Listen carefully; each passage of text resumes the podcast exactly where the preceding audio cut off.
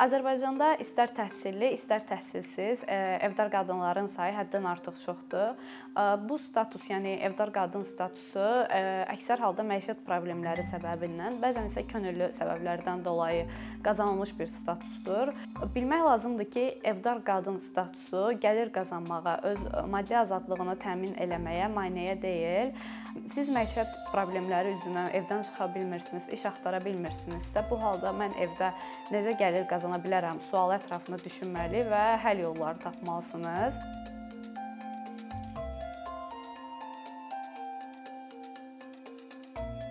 Dərslərimizin birində ə, işsizlik haqqında danışırdıq. Bilirsiniz ki, ən böyük makroiqtisadi problemlərdən biridir. İşsizlik nədir? Ə, onun faiz dərəcəsi necə hesablanır? Yaş, cins qruplarına görə bölünməsi bu problemi həll etmək üçün ə, hansı həll yolları var? Biz nə təklif eləyərik və s. yəni belə müzakirələr eləyirdik. Dərsdə müəllimimizin dediyi bir fikir, bir növ işsizliyin tərifi məndə suallar yaratdı. O dedi ki, işsiz o şəxslərə deyirlər ki, onlar aktiv olaraq iş axtarır, amma tapa bilmirlər. Bu nə deməkdir? Əgər siz 2 ay, 3 ay iş axtarmısınız, artıq təngə gəlmisiniz və evdə oturursunuzsa, bu halda siz işsiz statusu altına düşmürsünüz. Yəni ölkədə işsizliyin faiz dərəcəsi hesablananda sizi həmin o işsiz statusu altında hesablamırlar çox vaxt işçi qüvvəsi və işsiz statusunu qarışdırırlar. Əgər siz əmək məcəlləsinə əsasən əmək qabiliyyətli insansınızsa, yəni əmək qabiliyyətli fərdsinizsə, bu halda siz işçi qüvvəsi sayılırsınız. Yəni bu status altına düşürsünüz. Sizin işsiz sayıla bilməyiniz üçün 3 əsas göstərici var. Yəni bu göstəricilərə siz uyğun gəlirsinizsə, bu halda işsiz statusu altına düşürsünüz. Birincisi sizin aktiv olaraq iş axtarmağınızdır. Yəni müəssisələrə müraciət edirsiniz, CV göndərirsiniz, müsahibələrdə iştirak edirsiniz və ən əsas odur ki, siz bu prosesi dayandırmırsınız. Yəni daim hərəkətdə olmalısınız. İkinci bir e, göstərici sizin e, məşğulluq idarələrində qeydiyyatınız olmalıdır. Yəni dövlət bilməlidir ki, sizin işsizsiniz və e, iş axtarırsınız, axtarışdasınız. Üçüncü bir e, göstərici isə sizin əlavə gəlir mənbəyinizin olmamasıdır. Yəni siz bu üç əsas e, göstəriciyə uyğun gəlirsinizsə, bu halda siz işsiz statusu altına düşürsünüz. E, bu məndə nəyə görə sual yaratdı? Çünki mən həmişə fikirləşirdim ki, evdar qadınlar işsiz sayılırlar. Çünki televiziyada, radioda, məqalələrdə və s. orada hər hansı bir faiz görəndə işsizliklə bağlı mən düşünürdüm ki, evdar qadınlar da bu siyahıya aiddir, amma sən demə bu belə deyilmiş. Həmin dərsdən sonra mənə aydın oldu ki, evdar qadınlar işçi qüvvəsidirlər, işsiz deyillər. Sual yarana bilər ki, nəyə görə sırf evdar qadın kateqoriyası məni bu qədər maraqlandırır? Çünki digər başqa kateqoriyalar da var ki, hansı ki onlar da işsiz statusu altına düşmürlər. Bu da təsadüfi deyil. Bakalavr təhsili aldığım illərdə gördüyüm bir reallıq var idi.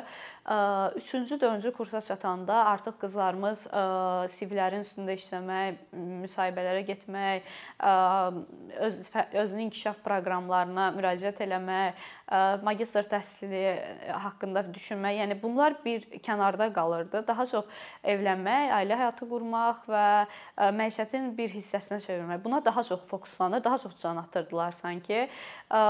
Bu da belə bir görüntü yaradırdı ki, sanki diplom cehizin ayrılmaz bir hissəsidir. Yəni diplomla alıb siz ailə həyatı qursanız, bu halda həyatda 1-0 sanki daha öndə olursunuz və sonrakı mərhələni izləsək görərik ki, artıq evlənib məişətin bir hissəsinə çevrildikdən sonra bu xanımlar cəmiyyətdən kənar düşür, bir növ passivləşir.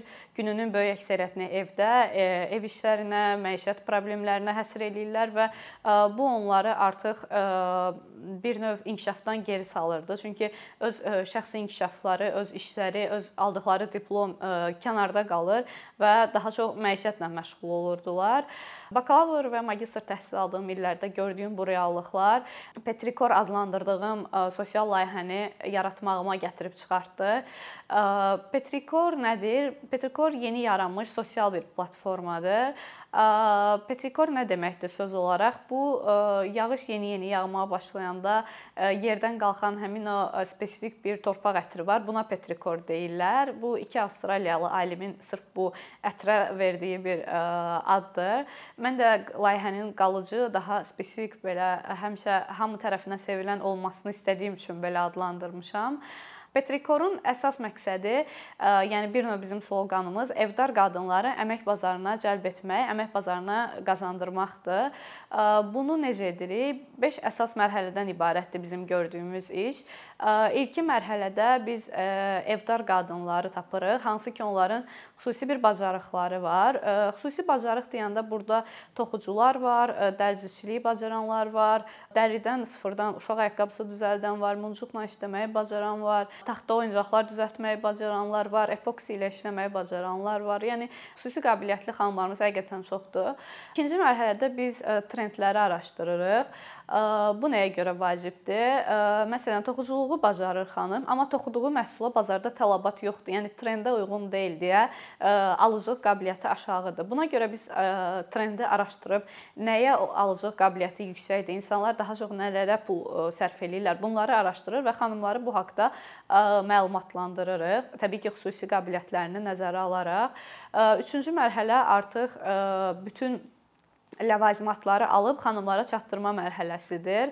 Yəni məhsullara qərar verdikdən sonra 3-cü mərhələdə artıq nə lazımdırsa o tamamilə bizim tərəfimizdən qarşılanır və xanımlara çatdırırıq. Yaxında olanlara özümüz şəxsən aparıb təhvil veririk, uzaqda olanlara isə poçt vasitəsilə göndəririk. Dördüncü mərhələ hazır məhsulu götürmək və reklam mərhələsidir. Bu mərhələdə artıq məhsullar hazır, tam hazır vəziyyətdə olur. Biz onları götürüb və daha belə deyim, alıcını cəlb edəcək şəklə, daha satıla bilən belə deyim şəklə gətiririk, şəkillər çəkilir, fotosessiyalar olunur, səhnə qurulur və s. 5-ci mərhələ artıq ödəmə mərhələsidir. Bu mərhələdə biz məhsulun satışını həyata keçirdikdən sonra xanımların ödənişini eləyirik. Bu layihədə qarşılaşdığımız ən böyük problemlərdən biri məhsullara yerli bazarda tələbatın çox olmaması və insanların əl işlərinə, yəni əl əməyinə çox da yüksək qiymət verməməsidir. Araşdıranda görürük ki, Avropa, Amerika bazarlarında yəni bu məhsullara tələbat daha böyükdür, nəinki Azərbaycanda. Buna görə də bizim əsas məqsədimiz Etsy, eBay, Amazon kimi platformalara çıxmaq və bu platformalarda tanınıb satış eləyə bilməkdir. Çünki araşdıranda görürük ki, Avropa, Amerika ölkələri hər il trilyonlar xərcləyir əl işinə və bu çox yüksək qiymətləndirib. Yəni adi bir məhsul bizdə satıldığı qiymətdən 3 qat daha baha qiymətə satılır, sırf o əl işidir deyə və əl əməyi olduğuna görə. Buna görə də biz o bazarlara çıxsaq, xanımlarımıza daha çox gəlir qazandıra biləcəyimizi və onların maddi asılılığını azaldacağımıza inanırıq. Bəzən də elə olur ki, qadınlar öz səhifələrini açırlar, satış eləyirlər, amma satışların aşağı olması ilə bağlı bizə müraciət eləyirlər. Biz araşdırırıq və bəzən görürük ki, çox kiçik bir səbəbdən dolayı xanımların satışı aşağıdır. Sırf şəkillərin keyfiyyəti müəyyən qədər aşağıdır, işıqdan düzgün istifadə olunmayıb. Bu səbəblər, yəni bu kimi texniki kiçik problemlərə görə satışları aşağıdır. Belə hallarda da biz qadınlara dəstək olur, onları problemi həll etməkdə köməkçi oluruq. Sonda isə evdar qadınlara onu demək istəyirəm ki, əgər sizin də hər hansı bir xüsusi qabiliyyətiniz varsa və bu qabiliyyəti pula çevirmək istəyirsinizsə və ya hər hansı bir texniki dəstəyə ehtiyacınız var və ya öz məhsulunuzu beynəlxalq platformalara çıxartmaq istəyirsinizsə, bununla bağlı bizə müraciət eləyə bilərsiniz və biz çalışacağıq ki, Petrikor olaraq sizə bütün dəstəyi göstərək və satışlarınızın yüksəlməsinə, daha çox gəlir qazanmağınıza köməkçi olaq.